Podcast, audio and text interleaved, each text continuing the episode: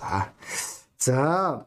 За бүгдөө номлолгоо анхаарлаа дуцгаая. Би та бүгдэд өнөө өглөө хэлжсэн тийм би нэгдүгээр самуилыг уншиж байгаа. Тэгээ нэгдүгээр самуилыг уншиж явах үед их сонирхолтой аа субъект яхаар маргаангүй савол өөрөө болж таарж байгаа. Өнөөдөр энэ номлын нэр болохоор харснаасаа болж гэдэг нэртэй номлол. Гэхдээ яг энэ нэр маань хэл зохимжтой үгүй би мэдэхгүй. Гэхдээ яг аргагүй маргаангүй савлын амьдралдаа харах өнцг нь түүний амьдралыг тэр чигээрээ үгүй хийж байгаа их гунигтай. Аа тэрээр өөрийгөө дуршлагтай гэж бодож байгаа, тэрээр өөрийгөө мундаг гэж бодож байгаа, тэрээр өөрийгөө шилдэг гэж бодож байгаа. Тэгээ тэрээр шилдгийн шилдгийг цуглуулахыг ч хүссэн. Гэхдээ энэ түүний бодоод байсан арга нь түүний ашигтай мэт санагдсан тэр байр суурь нь түүнийг эсэргээр ашиггүй байдалтай байцсан. Тэгээ бүгдээрээ хамтар 1-р Самуэлийн 14 дөрүүдийн 52 дугаар эшлэл анхаарлаа хандуулъя. Филистичүүдийн эсрэг ширүүн дайн тэмцэл Саулын амьдралын өдрүүдийн туршид байсан бөгөөд эр зөрөгтэй байлдах чадвартай хүнийг Саул харвал албадаа авдаг байваа гэдэг энэ эшлэл байна. Энэ эшлэл их сонирхолтой эшлэл. Саул ерөөсө эр зөрөгтэй байлдах чадвартай эр хүнийг харуугүй чи одоо миний цэрэг миний айрам гэж хэлж байгаа. Энэ маань хэр зөв юм үгүй юм мэдэхгүй юм. Өнөөдөр магадгүй та өөрийн амьдралдаа дандаа шилдэг багийн талд тоглохыг хүсдэг, та хүчтэнгийн талд байхыг хүсдэг гэж байна. Тэгээд та хүч өнөөдөр бүх асуудлуудыг шийднэ гэж бодож болно. Аа гэхдээ тэр болгон тийм байгаад байдаг. Саяхан нэг Пакистаны эмнэлэг эмнэлгийн оронд эмнэлгийн харуул хагалгаа хийсний улмаас өвчтөн нас оржээ гэдэг нийтлэл гарсан. Та бүгд заримуд нь мэдж Энэ хүн маань болохоор нэм гарагтай 80 настай эмэгтэй өвчтний нурууны э, шарханд хагалгаа хийхээр эмнэлэгт хэвтсэн байна. Гэтэл тус эмнэлэг э, харуулаар ажиллаж байсан Мохаммед Бахид гихч бут гихч этгээд өөрийгөө эмч гэж танилцуулаад хагалгаа гүйцэтгэжээ. Пакистаны төрийн өмчийн эмнэлгүүдэд өвчтөн эмчилгээний мөнгөө шууд эмчид төлдөг нь ийм алдаа эндэгдэл гаргахад нөлөөлдөг гинэ. Мөнгө олох гэсэн мэрэгжлийн бус хүмүүс эмчийн дүрд тоглох явдал түгээмэл гардаг ажээ. Та бүгд энэ энэ одоо яг түүхийг уншаад та бодож байгаа юм арайчтэй гэж бодож байгаа. Гэтэ харж байна уу? Энэ чи энэ хүн маань болохоор ойлгож байгаа энэ чи хүний аим яригдчих байгаа. Энэ чи зүгээр нэг одоо юу гэдгийг за би нэг оролдоод за болохгүй юм шиг байна. За тэгвэл өөр хүний мэрэгжлийн хүнийг дуудахгүй даа гэдэг зүйл биш гэдгийг та бүгд ойлгож байгаа. Энэ чи мисасл яригдчих байгаа. Тэгтээ яг л ийм ихтэлтэй байдлаар тийм үү бид нэр заримдаа итгэлийн амьдрал дээр хандах тохиолдол олон байдаг бид нэр яг л өөрсдөө мэрэгжлийн хүн шиг авч явж байгаа. Тэгээ бид нэр хэлж байгаа би бол хагалгааны эмч байна. Би таны э, эмчилгээг хариуцаж байгаа. Би надад итгэх хэрэгтэй одоогоос хэдэн таасаа над руу өг тийм үү. Тэгвэл яг л ийм гарцаар савуул тэрээр өөрийн хаанчлаа байгуулж исэн гэдгийг та та мэдхүн. Тэрээр үргэлж ийм байсан уу? Саул анх э, та нар хэрвээ ерөөсөө эхлэл номын уг 1-р Самуэлийн 9-р бүлгээс хэрвээ та унших юм бол Саулын дүү ихнээс эхэлж байгаа. Бурхан өөрийн одоо тэр дагуух тэр хааныг сонгоно гэж хэлж байгаа. Энэ хаан нь яг харахгүй Саул байсан. Тэрээр мундаг ир байгаад байгаа. Гэхдээ яагаад одоо ерөн та бүгдийн ихэнх нь мэдж байгаа юм. Саул дандаа сөрөг дүрт тоглодог. Ерөн сөрөг жишээ авуу үгүй Саулын жишээ авдаг. Саул үл итгэх байр суурийг илэрхийлдэг байгаа. Тэгвэл яагаад ингэж вэ? Яагаад ерөн Саул ялагдчихв? Хэрвээ та нар 1-р Самуэль 17 дугаар бүлгийн хэрвээ та нар уншаад үзэх юм бол тэнцээ Галиат гэдэг 3 м өндөр нөхөр 600 цэрэгтэй одоо бидний уншсан тэр эр зөрөгтэй байлдах чадвартай тэр 600 эрчүүдийг савал ингээд шилээд исэн бахна штэ. Тэгсэн чинь энэ цэргүүдийг тэрээр 45 хоног чичрээж байгаа. За тэгвэл яг яагаад ийм юм болчихоо? Тэг сонирхолтой нь болохоор Хэрвээ бүгдөө 1-р Самуэлийн 10 дугаар бүлгийн 27 дугаар ишлэгийг харах юм бол Саулын зан характерын талаар харж болно. Гэхдээ энэ зан характер муу зан характер ерөөсөө биш шүү. Энд чи Библи хэлтэй харин үл өвтөх зарим хүмүүс энэ хүн биднийг яаж аврах юм бэ гэж түүнийг үл тоомсорлож түүнд бэлэг авчирсангүй харин Саул дуулаагүй мэт байваа гэж хэлж байгаа. Харж байна энэ савуул тэрээр жинхэнэ эр хүн шиг загилсан байгаа даа. Тэрээр гоншигноогүй юм чи яахаар ангидгийн ямар учраас юм байдгийн хүш одоо чи одоо хийн эцэг би хаан шүү бурхан намайг сонсон энэ тэр гэж тэрээр яриаг болж таарж байгаа. Тэрээр чимээгүй байсан байна. Тэрээр илүүдтэй юм яриаггүй. Мөн цаашаага савуул тэрээр ялалт байгуулсны дараа Израилийн ард түмэн нэг юм байдлаар хандж байгаа. 12-с Тэгэхэд ард олон Самуэлд Саул бидний хаан болох юм уу гэж хэлсэн хүн хинбэ? Би тэр хүмүүсийг нааш өг. Бид тэднийг алга болно гэлцв. Тэгээвч Саул өнөөдөр хүн алж болохгүй учраас өнөөдөр эзэн Израиль даврлыг өгсөн гэвэ гэж хэлж. Харж байна энэ чи яа харахгүй маргаангүй те Саул тэрээр мундаг шийдвэр гаргаж байгаа. Тэрээр эр хүн шиг байр суурийг илэрхийлж байгаа. Тэрээр Библи хэлэхдээ тэрээр бусад ирчүүдээс асар өндөр байсан гэж хэлж байгаа. Тэрээр ноён нуруутай үнэхээр л мундаг хэр. Гэтэ асуудал нь юунд байгаад байгаа юм бол яг Саул яг яагаад эцсийн дүнд Давидэд атаархаад атаархлаасаа болоод хийрхэд хийрхтээсээ болоод тэрээр өөрийн хаанчлаа үгүй хийчвэ. Бүх зүйл эхлэлтэй холбоотой байгаа.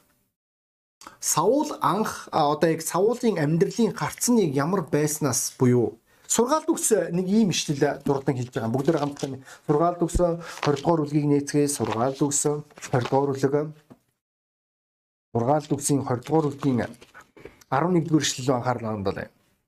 Хүүхэд үйл хөдлөлөөрөө өөрийгөө таниулдаг цэвэр хийгээд зэг шулуун нисгээ харуулдгаа гэж хэлж байгаа. Энд чинь Библи хэлэхдээ хүүхдийн хэн байхыг ирээдүйд хэн болохыг тухайн хүүхдийн үйлдэлээс харж болно гэж хэлж байгаа. Тодорхойлох юм бол эхлэлд нь тэр хүн яг яг юунд дуртай, юунд илүү их дурламжтай. Тэрээр мөнгөнд дуртай юу? Тэрээр нэр алдарт дуртай юу? Тэрээр зугаа цэнгэл дуртай юу? Тэрээр хөнгөн амьдрал дуртай юу? Тэрээр залхуурах дуртай. Тэгэд энэ зан характер нь та нар санаж байгаа зү Моисег тэрээр анхнаасаа эхлээл тэрээр өөрийн сэтгэлийн хөдлөлөөр удирдах чаддаггүй ирчүүдийн нэг байсан байна. Тэрээр эннээсээ болж Египт хүнийг алсан. Эннээсээ болж тэрээр өөрөө өөрийгөө 40 жилийн хугацаанд цөллөгт өөрөө сайн дураараа явах тэр боломжийг өөрөө өөртөө болсон амьдралын амьдралдаа зүгээр өөрийнхөө эмоцоосоо болж асуудал үүсгэсэн гэж хэлж болно. Гэхдээ энэ нь түн хангалттай байгаагүй. Тэрээр эцсийн дүнд амьдралынхаа төгсгөлийн яг ялалтын ирмэг дээрийг бариа руу хурж ирэх үед яг бариа руу орох гэж байгаа юм. Юурээс бүх юм тодорхой. Одоо ингээд чи юурээс бариа руу ороход билээ. Тэгээ яг бариа руу орлоо гэсэн чи орч чадаагүй. Яг яагаад яагаад гэвэл тэрээр ууралсан. Тэрээр уур хилэнгэ харуулж тэрээр бурхныг дор дутсан байгаа да. Бас мөн Библиэлд бас нэг өөр нэг нөхөр байна. Скродиудс гэж нэг нөхөр. Скродын Юдас та нар санаж байгаа үстэй. Есүс Христ 12-ыг сонгосон. 12 сонголтууд дундаас хамгийн ерөн боломжийн хамгийн мэдлэгтэй хамгийн боловсралтай хамгийн одоо яг элит гаралтай нэгэн чинэлэг байр суурьтай ерөн бол юм хэрэглээ сурцсан те эдийн үн цэнийг мэддэг а одоо хар бор нөхдүүд болохоор зүгээр өнөөдөр хуушуур идэх үү те эсвэл дотор гизээ идэггүй кологоо уух үгээ явж байхад бол яхахгүй скродын үдс бол нэг цаагууртай KFC орсон шиг тийм үү эсвэл нэг тийм дээгүүрх ресторан ресторануудаар явсан шиг тийм үү тэрээр амьдралын өөр гаралтай нэгэн тэрээр бусдаасаа өөр байсан байгаа. Тэгвэл бид нар мэдэн тийм үү скродын үдс Есүс Христийг 30 мөнгөн зоосоор худалдсан байгаа. Яагаад? Яагаад гинт одоо түүний тархин дотор тэ гинт сатан шүглээд бид нар хэлдэг юм уу? Есүс одоо ингээд сатан хийх ёстой юм хийгэнгүүд нь сатан түнлэн шүглэсэн. Үгүй тийм биш. Бүх юм ихлэлтэй. Анх түүний зүрх сэтгэл яг ямар байснаас бүх юм шалтгаалж байгаа. Йохан номын 12 дугаар бүлгийн Йохан номын 12 дугаар бүлгийн 4 дугаар шил дээр Библи хэлэхдээ Тэрээр ядуусын талаар санаа тавьсандаа бас харин хулгайч байсан болохоор тэгж хэлжээ. Тэр мөнгөний хүүдийг барьж дотор нь хийснийг авчдаг байжээ гэж хэлж байна уу? Энд чинь тэрээр анханасаа эхлээд сүмд явж явах үедээ тэрээр далд хулгайч байсан байна. Тэрээр мөнгөнд дурламтгай тэрээр шуналтай тэрээр мөнгө байвал асуудлыг шийдэж болно гэдэг тэр итгэл үнэмшил байсан учраас тухайн үед Есүс Христ түнд ашиггүй болох тэр мөчид тэрээр Есүс Христийг 30 мөнгөн зоос худалдаж байгаа. Бүр Матай номын 26 дугаар бүлэг дээр хэрвээ би түүнийг танд та нарт бариад өгөх юм бол та нарыг надад юу юм гэж асууж байгаа. Тэгсэн чинь фарисеучудаа чамд 30 мөнгөн зоосоо гэж хэлж байгаа. Тэгээд тэр мөчөөс эхлээд Библи юу гэж хэлж байгаа вэ гэвэл тэрээр боломжтой тэр байр суурийг ирж бас. Тэгвэл Саулын амьдралын үзэл нь юу исэн бэ? Саул яг юуны улмаас эцсийн дүнд те тэрээр та нар 1-р Самуэль 18 дугаар бүлгийг та нар санаж байгаа Давид Саул мянгыг Давид 10 мянгыг гэж хэлвүүгүй та нар тэр дүүгийг харах юм бол их сонирхолтой шүү. Ерөөсө зөв зүгээр байсан багий тий хормын дотор тэрээр өөрийнхөө хайрлж байсан. Одоо ийс ийс зүртэл хандаад хүүгээ миний хажууд байлаа. Үнэхээр энэ хүү чи миний тааллыг болоод байна тийм энэ их сонирхолтой тийм үү чи манад хон чи мана гэр бүлд их таалагдж гин чи мана гэр бүлд илүү үн цэнтэй байгаад байна гэж хэлэнгүүдийг гинт одоо тэр гэр бүлдээ зорчилж байгаа хонох гэж байгаа нөхрөлөө жаач хитнэгээ бодоод үзэхгүй та нар ямар ах вэ? Энэ үнэхээр солиорл гэдгийг та бүгд ойлгож байгаа юм уу Та яагаргүй Саулын үйлчлийг хэрвээ ажиллаж харах юм бол яг л хагас галзуу шизофрентэй багтай их тун дөстэй. Яг юуны улмаас яагаад ийм болчихвоо? Яагаад өнөөдөр бурхнаар тослогдсон уг нь бол бурхны сонгосон байсан тэр хаан эцсийн дүнд өнөөдөр амьдралаа ийм олиггүй байр суурьаар дуусгава. Бүр их гонигтай тийм үү тэрээр өөрөө сэлмэндээ одоо ингээд өөрөө өсөр унж өгч байгаа тэрээр үнэхээр адгийн нөхцөл байдалд орсон бурхан түүнийг орхисон үнэхээр аимшигтай тийм аимшигтай нөхцөл байдалд орж байгаа яагаад энэ зөвхөн зүйл үүссэн юм бэ машингийн бүх юм ихлэлтэй байгаа Ерөөсө Саул э, магадгүй өнөхөр бурхан түүнийг сонгосон байж болох юм. Бурхан түүнийг аварсан байж болох юм. Бурхан түүнийг тослохыг хүсэж исэн байж болох юм. Гэхдээ Саул дөөр ингэсэн бодол байсан байгаа. Саул дөөр шал өөр бодол байсан. Саулын амьдралыг үзэх үзэл нь өөр байсан байгаа. Энэ нь юу гэсэн үг вэ гэвэл та сүмд явж байгаа. Тийм үнэхээр Библи тэгж хэлдэг үнэ. Тийм ээ. Би мэднэ. А пастор яг тэгж ярьдаг үнэ тий. Гэтэ надад ямар ч найдвар байхгүй. Би хизээч өөрчлөгдөхгүй. Би хизээч гайхамшигыг харахгүй. Би хизээч эдгэрхгүй. Би хизээч хүнтэй гэрлэхгүй. Би хизээч чөлөөлөгдөхгүй. Ойлгож байгаа үстэй. Амьдрал өөр Яг яагаад яг бол би бодит байдал дээр гарах юм бол би санхүүгийн гайхамшигыг олж харахгүй. Энэ Улаанбаатарт э, тийм байр олдох боломжгүй. Энэ боломжгүй пастора, тэр боломжгүй ахын дүүсээ. Энэ бол үнэхээр найдваргүй зүйлсүүдийн нэг. Тийм учраас би тэгж бодож байна. Энэ нь Саулын амьдралыг үзэх үзэл байсан байгаа даа. Бурханд итгэх итгэл байгаа даа. Энэ нь түнд хамаа байгаагүй. Эцсийн дүнд тэрээр өөрөө яг яаж харж байгаагаас амьдралаа байнга тодорхойлоод байсан. Үүнийг бид нэр хэд хэдэн ишлүүдээс ажиглаж харж байна. Үүнийг бүгдээр 1-р Самуэлийн 9-р бүлэг рүү 9-р бүлэг 5-аас 7-р ишлэл дээр Тэд Зоофийн нутагт ирэхэд Саул зарцтай буцаж явцгаа эсвэл эцэг маань эм илжигнүүдээ биш харин бидэндээ санаа зовох болно гэв. Зарцсан түнд хардаа энэ хотод бурхны хүн бий. Тэр маш хүндтэй хүн. Түүний хэлсэн бүгд нь гарцаагүй бидэг. Одоо тийшээ явцгаа бидний явах ёстой замын талаар тэр хэлж өгч магадгүй юм гэв. Саул харин зарцтай хэр бид очивол тэр хүнд юу аваачих вэ? Аваачиж өгөх вэ? Бидний богцон дох далах дуусчихсан бурхны хүнд барих бэлэг байхгүй бидэнд юу байгаа билээ гэвэ гэж харж байна энэ чинь. Саул хэлж байгаа би би чинь. Би юучгүй тэр хүн дээр очихоосоо За яг үнэхээр нэгдүгээр болохоор зарцсан минь нэг зүйл ойлгож байгаа тэр зарцтайгаа харьцаж байгаа. Тэрээр өөрийн өөрөөсөө дээр хүнтэй харьцаагүй тэрээр доод хүнтэй харьцаж байгаа. Тэгвэл доод хүн нь түүнд итгэлийн талаар ярих үед энэ ч энэ хотод найдвар байгаа, энэ хотод тийм хүн байна гэж ярих үед энэ хүн маань аль хэдийн ойлгож байгаа сте. Зарцсан түүнд одоо боломжтой яаж иж байгаа шийдээ ийм найдвар байгаад байгаа. Энэ гарцыг одоо их үед энэ хүн маань яг ямар хүнтэй ижилхэн байгүй л үгүй боддогоор хараа л да бодит байдал дээр аваад үзэх юм бол илжигнүүд маань олдохгүй байна. Харин эсэргээрээ бүр нөхцөл байдал шал эсрэг болоод явчлаа. Асуудал ийм арга шийдэхгүй за болио орхио үгүйс энэ боломжгүй юм шиг байна. Тэгсэн чинь зарцсан хэлж байгаа боломжтой энэ ч бурхны хүн байгаад аа байсан ч гэсэн эцсийн дүнд харалдаа бидний богц дууссан. Чи харж гин үү юу биднэрт юу байгаа юу ч байхгүй байна. Энд чинь боломжгүй яаш би аа би тэр хүн дээр шалдан очихоосоо ичж чинь. Мөн энийг зураглалыг бид нэр цаашаага нэгдүгээр Самуил 13 дугаар бүлгийн 8-аас 9 дугаар эшлэл дээр харж болно. Бүгдөө хамтдаа нийцгийн нэгдүгээр Самуилийн 13-ийн 8-аас 9 дугаар эшлэл дээр Саму Самуилийн тогтоосон хугацаа ёсоор Саул 7 хоног хүлээсэн боловч Саму Самуил Гилгард ирсэнгүй ард олон түүнийг орхин тарцгааж байв. Тэгэхэд Саул шатаал дахил болон эвийн дахилуудыг надад энд авчигтун гэв. Тэд э, тэр шатаал дахил өргөвөө гэж хэлж байгаа юм. Аа энэ чи их сонирхолтой зүйл яригдаж байгаа. Яг юу вэ гэвэл Самуил аа одоо Саулд маш тодорхой байгаа. Намайг эртэл битгий дахил өргөөрэй. Энэ бол чиний хийх ёстой ажил биш. Би дахилыг яаж өргөдгийг би чамд зааж өгөх болно. Тэр ултал чи дисчи. Тэр ултал чи хүлээж. Чи ойлго. Би дахил өргөөд би эргэж хурж ирэх болно. Энэ бол маргаангүй. Одоо тийм учраас санаа зовхгүй хүлээж юу ч болж исэн. Тэгээд Саул хэлж байгаа те бид нэр амлахад их амархан байдаг те аа тэгээ тэгээ пастор унахаар асуудал авахгүй би хүлээж идэгсэн чи гинт нөхцөл байдал эсрэгээр эргэж байгаа.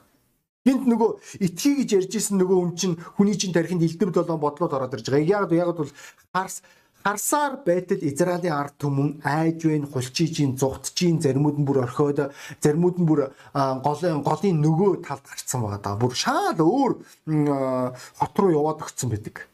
Тэгэд энэ үед Саул тэрээр нөхцөл байдлыг харж байгаад тэрээр өөрийнхөө шийдвэр гаргаж байна. Мөн бид нэр Библиэлд 1-р Самуэль 15 дугаар бүлгийнхаа 15 дугаар бүлгийн 9-р эшлэлдэр бас нэг зүйлсүүдийг харж болно. 9-р эшлэлдэр. Энд чи Библи Библи хэлэхдээ харин Саул ба түүний ард олон Агагийг бас хамгийн сайн хонь өхөр гарган дугал хураг хийгээд сайн бүхнийг хэлтрүүлж тэр бүгдийг бүр мөсөн сүрүүлхийг үл хөсөв. Тэд муу үн цэнгүй малыг харин бүр мөсөн устгажээ гэж хэлж байгаа. Гарч ийн энэ Саулд Самуэль маш тодорхой хэлсэн байна. За Агаг болон бүгдийг хүс тэмтрээрээ. Чиний үүрэг чи юу юм? Чи юу ганцхан үнийг л ич. Чи Бурхан чамаага үүний төлөө сонгосон. Бүр 15 дахь эшлэл дээр гэж таныг өөрийн ард түмэн Израилийн хаан болгон тослохоор эзэн намайг илгээсэн. Тиймээс одоо эзний үг баад дуу хоолойг сонсогдсон гэж хэлж байгаа. Харж гинөө. Энд чи өмнөх 13 дугаар бүлэг дээр тэрээр өөрийн яг энэ үйлдэлээсээ болж өөрийн хаанчлаа алдах тэр сүрлийн анхааруулгыг авсан болоо одоо энэ чи 15 дугаар бүлэг дээр бурхан дүнд сануулж байгаа. За одоо чамд яг хоёр дахь боломжийг олгоё чи энэ хоёр дахь боломжийг ашиглаарай. Тэгээд тэрээр баяр хөөртэйгээр энэ боломжийг ашиглах болсон байгаа даа. Тэрээр Агаг руу Милекийн хаан руу дайрсан. Тэгтээс харж гэнэ үү? Тэд нэр харж харж байгаа хамгийн хааны нүлдээгээд хаанаас бас жоохон бас юм авчмаар ба штэ. Нэгт. Хоёрдугаар болохоор тархан мал адгуулсыг нүлдээсэн байгаа. Яг энэ ойлгож байгаа үстэй тархан мал адгуулсыг өнөөдөр та харахгүйгээр хизээч сонгож чадахгүй штэ. Тэгээд муунууд энэ алчиж байгаа. Энэ их сонирхолтой. Яг ийм байр сууриаар тэр хандж байгаа.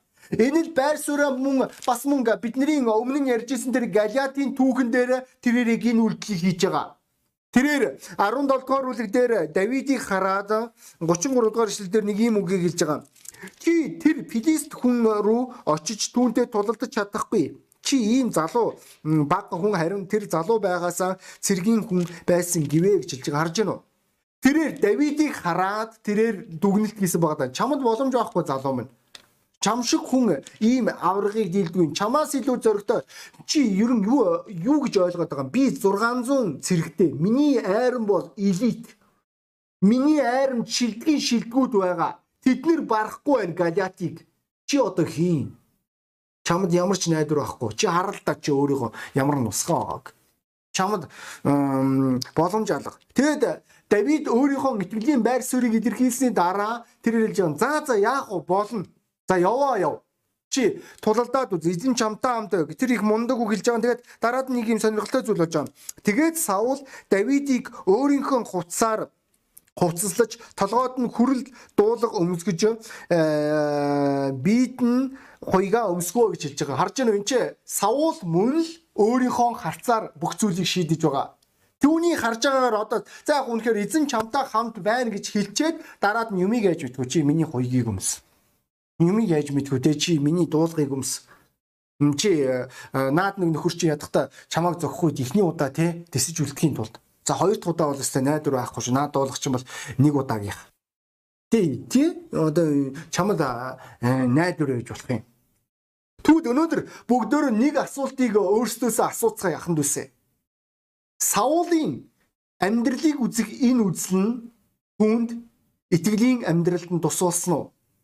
Өнөөдөр магадгүй хэн нэгэн өөрийгөө яг л энэ Саулын байр суурьаар харж байгаа. Тэгвэл найз нь би чамаас асуумаар байна. Чамд тусуулж гин үү? Өнөөдөр чи яг юуг итгэл гэж хэлээд байгаа? Өнөөдөр яг чи хэнд итгэдэг гэж өөрийгөө ярьж байгаа вэ? Чи өөрийн итгэлийн амьдралдаа яг ямар зүйлийг олж авч байгаа вэ? бүр Самуэль Саулт хандан тэрээр Агагиг амьд үлдээсэн те энэ байр суурийг. Яагаад би энэ номлыг номлого болсон бэ? Маш энгийн. Би зүгээр итгэж аханд үсэ нэгдүгээрт миний үндсэн зорилго бол бид нэр Библи унших биш бид нэр Библийг судлах ёстой. Энэ бол цэвэр судалгаа. Саул гэдэг хүн рүү би анхаарлаа хандуулсан. Энэ хүн маань яг яагаад унсан? Энэ хүнээс бид нэр яг юу суралцаж болох вэ? Юу өнөөдөр мэдэж болох уу? Юуг нь авах уу?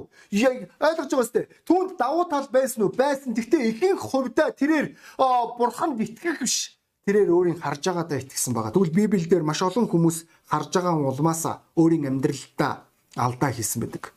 Скродоос тэрээр алт мөнгө хийсэн. Тэрээр харж байгаа зүйлийг л илүү их үнэлж ийсэн.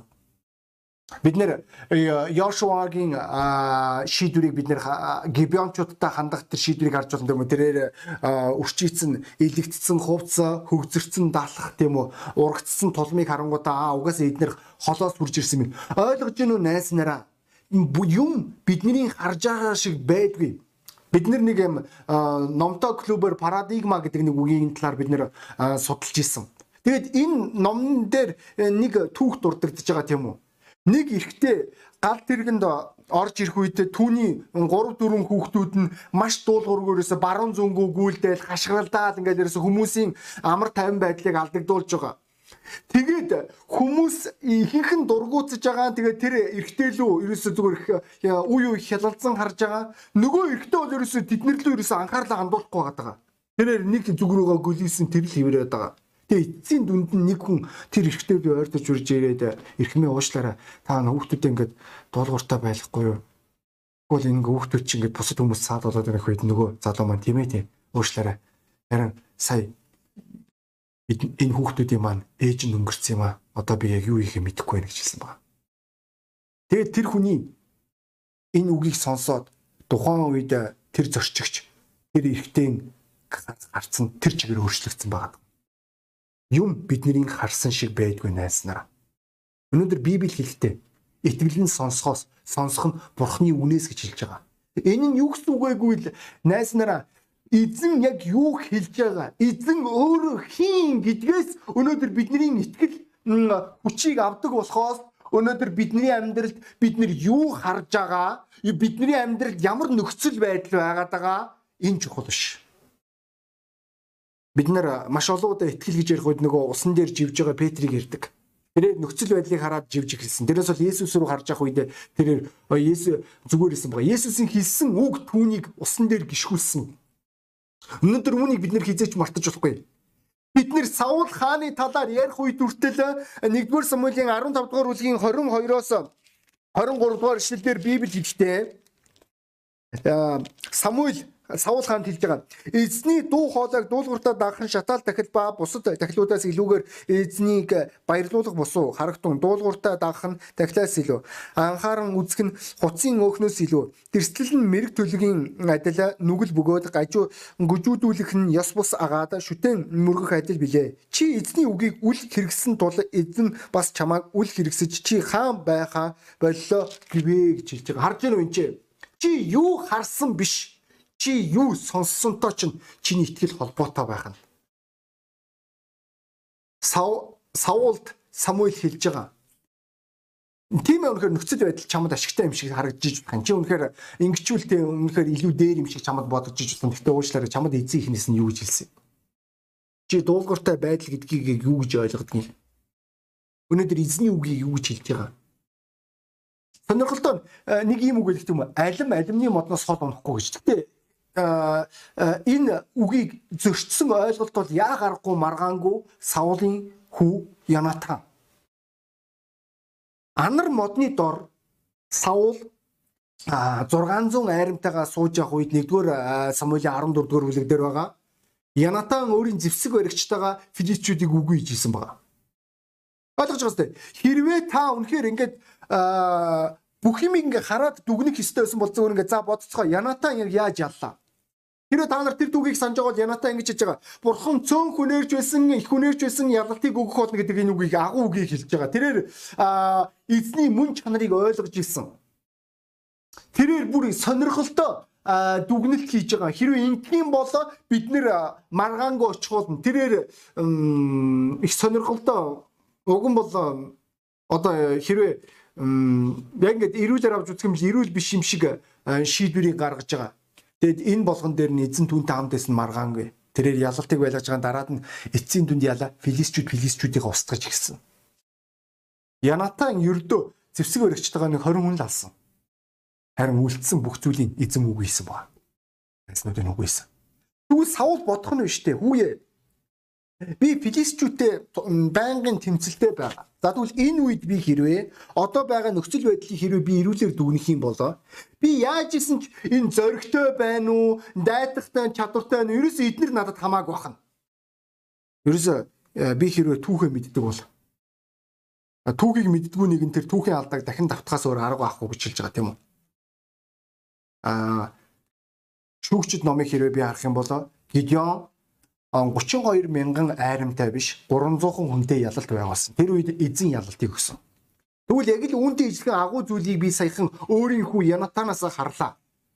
Тэрээр ерөөсө хоёулахнаа ороод бид нар 600 эн чи яаж дайтах стратеги иржсэн бол тэр зүгээр дайрад орсон байгаа. Тэгээ ялалт байгуулсан. Тэгээд яалаа бид нар юу харлаа? Филистчүүд бие биенийхээ эсрэг тулалдчихсан. Тэгэхээр чинь өнөөдөр хүчтэй байна уу гэ хамаагүй ахын зоригтой байна уу гэдэг хамаагүй ахын бүх зүйл эзнээс шалтгаална. Тийм учраас би энэ мөчөөс эхлээд эзэн юу хэлж байгааг би сонсож амьдрах бол би юу харж байгаагаа биш. Миний нөхцөл байдал ямар байгаагаас шалтгаалж биш. Эзний үг юу гэж хэлж байгаагаас би өөрийн амьдралаа тодорхойлгоно. Юу ярьдгааг ойлгож байна уу нэснараа? Үүнийг бид нэр итгэл хэлж байгаа нөхцөл байдал чиний эсрэг байж болно. Чамд ашиггүй мэт санагдаж ч болох юм. Тийм үе байдаг. Үнэхээр яа гарахгүй л чамд ашиггүй мэт санагдаж эхэлж байгаа энэ шийдвэр маань Авраамыг санаж гинөө. Лот тэрээр өөрийн харсангаа сонгосон. Харин Авраам сонссонгоо сонгосон байгаа. Гэхдээ сонгосон тэр газар нь ямар газар байлаа? Канааны газар нь тэр үед цөл байсан байгаа. Ерөөсө амьдрал гэдэг юм тэнцээ байгаагүй. Бурхан ихтэй хамлсан тэрээр сонссон. Анх Эхлэл номын 12 дугаар бүлэг дээр тэрээр сонссон учраас тэрээр явж байгаа. Ойлгож ийн юу ярьж байгааг найз нараа. Юу руу би чиглүүлээд байгааг. Тухайд Авраамд Лотын одоо хийсэн тэр сонголт ашигтай байсан уу? Ашиггүйсэн шүү дээ. 100% ашиггүйсэн. Үгүй яаж утсан үржил шимтэй 8 хийж болохоо хүн олонтой газар байсан үед чинь одоо тэнцээ чи юу хийж болох вэ? Тэр мал атгуусаа зарж болно, арсын зарж болно махын зарж болно, ноосын зарж болно. Тэгээд тэнцэнэтэй бас хөөрхөн 8 цаа тэгээд өөртөө хэрэгтэй юмнуудыг авч болно. Тэр өөрийн мал адгуусаа улам илүү хөгжүүлж болно. Ерөөсө яаж исэн чи Йорданы хүндээ ашигтай байгаа харуул. Гэхдээ тэр тэгээгүй. Тэрээр цөлийг сонгосон. Тухайн үед ашиггүй байсан. Бурхан ашигтай болгосон ба. Яг яагаад? Яагаад бол бурхан хэлсэн. Чи намайг татчихсан би чиний чамааг чи миний яв гэсэн тэр газар руу оч. Оч гэсэн тэр нутаг руу оч. Би чамааг өрөөгч өрөөх болно. Чи өрөөлийн уугандд суулж чамааг өрөөхсөд өрөөгдөж хараагсад хараагт болно гэж хэлсэн байна. Тэгвэл энэ амлалтанд ахын дүүсээ бид нэр итгэдэг шүү. Өнөөдөр үүн дээр бид нэр өөрсдийн итгэлээ байгуулдаг. За тэгээ хүн болгон толгоо удаалгаад нүдэнасаа гэж үсэж байна. Би та бүгдийг өөрийн итгэлийн амьдралаа харах өнцгөө нэг зүгээс өөрөөр хараасаа гэж үсэн энэ номлыг номлоо. Тэр үнэхээр яг таны хувьд харах тэм туйлын чухал байсан болов өнөөдөр бид нэр нэг зүйл маргаангүй байгаа даа. Хэрвээ Саул үнэхээр зөв зүг рүү гарсан бол тэрээр бурханд дуулууртай байдал нь түүнд ялалтыг өгж байгаа болохоос тэр хичнээн зөрөгтөөгийн сонголоо гэд тэр хичнээн хүчтэйгийн сонглоо гэд тэр хичнээн байлдах чадвартайгийн сонглоо гэд ялалт ирэхгүй байгааг тэр ойлгох хэрэгтэй байсан ба. Тэгвэл өнөөдөр итгэгч найз минь чиний талаар юу ярих вэ? Чи амьдралын шийдвэрээ яг яаж гаргадаг вэ? Чи сонголтоо яаж хийдэг вэ? Чи эзний үгэн дээр үндэслэгддэг үү? Эзэн дээр үндэслэгддэг үү? Эсвэл чиний хувьд юу харж байгаа нь чухал, бусад хүмүүс юу хэлж байгаа нь чухал, чи юу мэдэрч байгаа нь чухал байсаар байна. Ингэснээр чи яг юу? Өнөөдөр үнийг бодож зэх ёстой болов.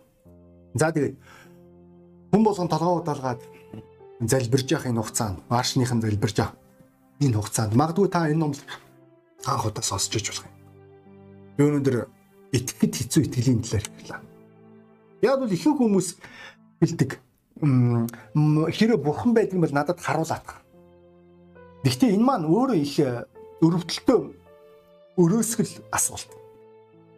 Нэгдүгээрт хүний мэс чанар бурхан байгаа гэдгийг биднэрт илэрхийлэн хэлдэг. Бид нэр бурхны өмнө нүгэлтэй гэдгийг бид нэр ойлгодог ба.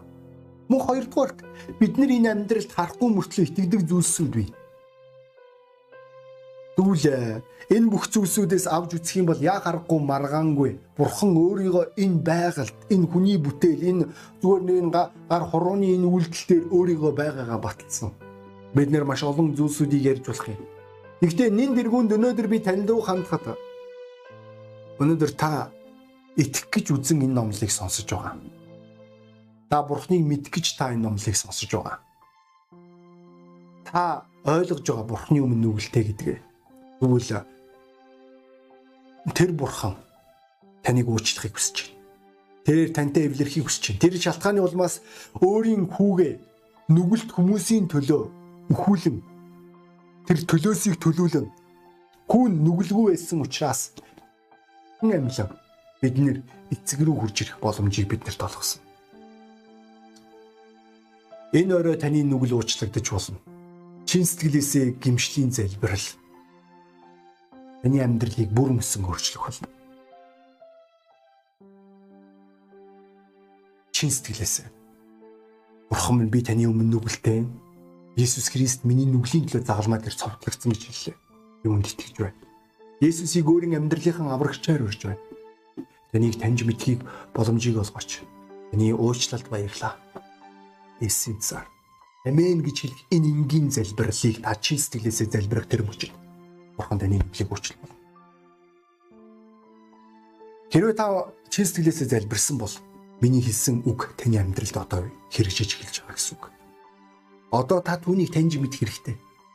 Та түүнийг таньж мэдхийн тулд танд Библи бий. Та Библийг утсан дээрээ татаж болно, худалдан авч болно, зарагдаж байгаа. Эсвэл та а мөн биднэрээс авч болно бид нэр танд сайн мэдээний ном өгөхтэй үнэхээр таатай ах болно таныг яг итгэл дээр илүү өсөхийн тулд яг зүгээр хүүхэд дөнгөж төрчөөд тийм үү шууд алхаж эхэлдэггүй шүү дээ хүүхэд дөнгөж төрчөөд тэрээр асаргаа хэрэгтэй байдаг тэгвэл бид нэр танд итгэлээр амьдрахад итгэлээрээ яаж алхахад бид нэр туслахад таатай болно та бидний утас руу холбоо бариарай бид нар маш баяртай болно. Тэгээд би дуудлага өрчлөмөр байна. Хонд үсэ. Цаг хугацаа өнгөрөх тусам ялангуяа итгэлийн амьдрал үйлдэлгүй байгаа нөхцөл та итгэл дээр алхам хийх байгаа нөхцөлд бид нэр савлын байр суурийг барьж амьдрах аюул байдаг байгаа. Бүлийн зүйл биднээс хол байг. Би таныг өнөөдөр энэ орой ухаантай шийдвэр гаргасан гэдэгт найдаж байна. Үгэнд итгэх шийдвэр. Үгийн дагуу дуулууртай байх шийдвэрийг дахин гаргасан гэдэгт итгэж байна найзнараа. Тэгээ бүгдөө номлын төгсгөлд хамтдаа залбирцгаая. Ирэх 7 хоногийн эзэн ивэхийн төлөө бүгдээрээ залбирцгаая. Яг бол биднэрт эзний хамгаалалт ерөөл хэрэгтэй байна. Тэнгэрлэг зэн ирэх 7 хоногийн бидний бүхэл үлсийг ивэнэ гэж би эцэг танаас чин сэтгэлээсээ залбирanгуйч. Таны ивэл таны хариу үргэлж биднэрт хамт тоглоцгоё. Ахан дүүсийн минь ивэнэ үү, эрчүүд октодын минь ивэнэ үү эзэм та бүх зүйлийг өөрийн ариун гартаа өгнө. Есүс Христийн цаар. Аамен.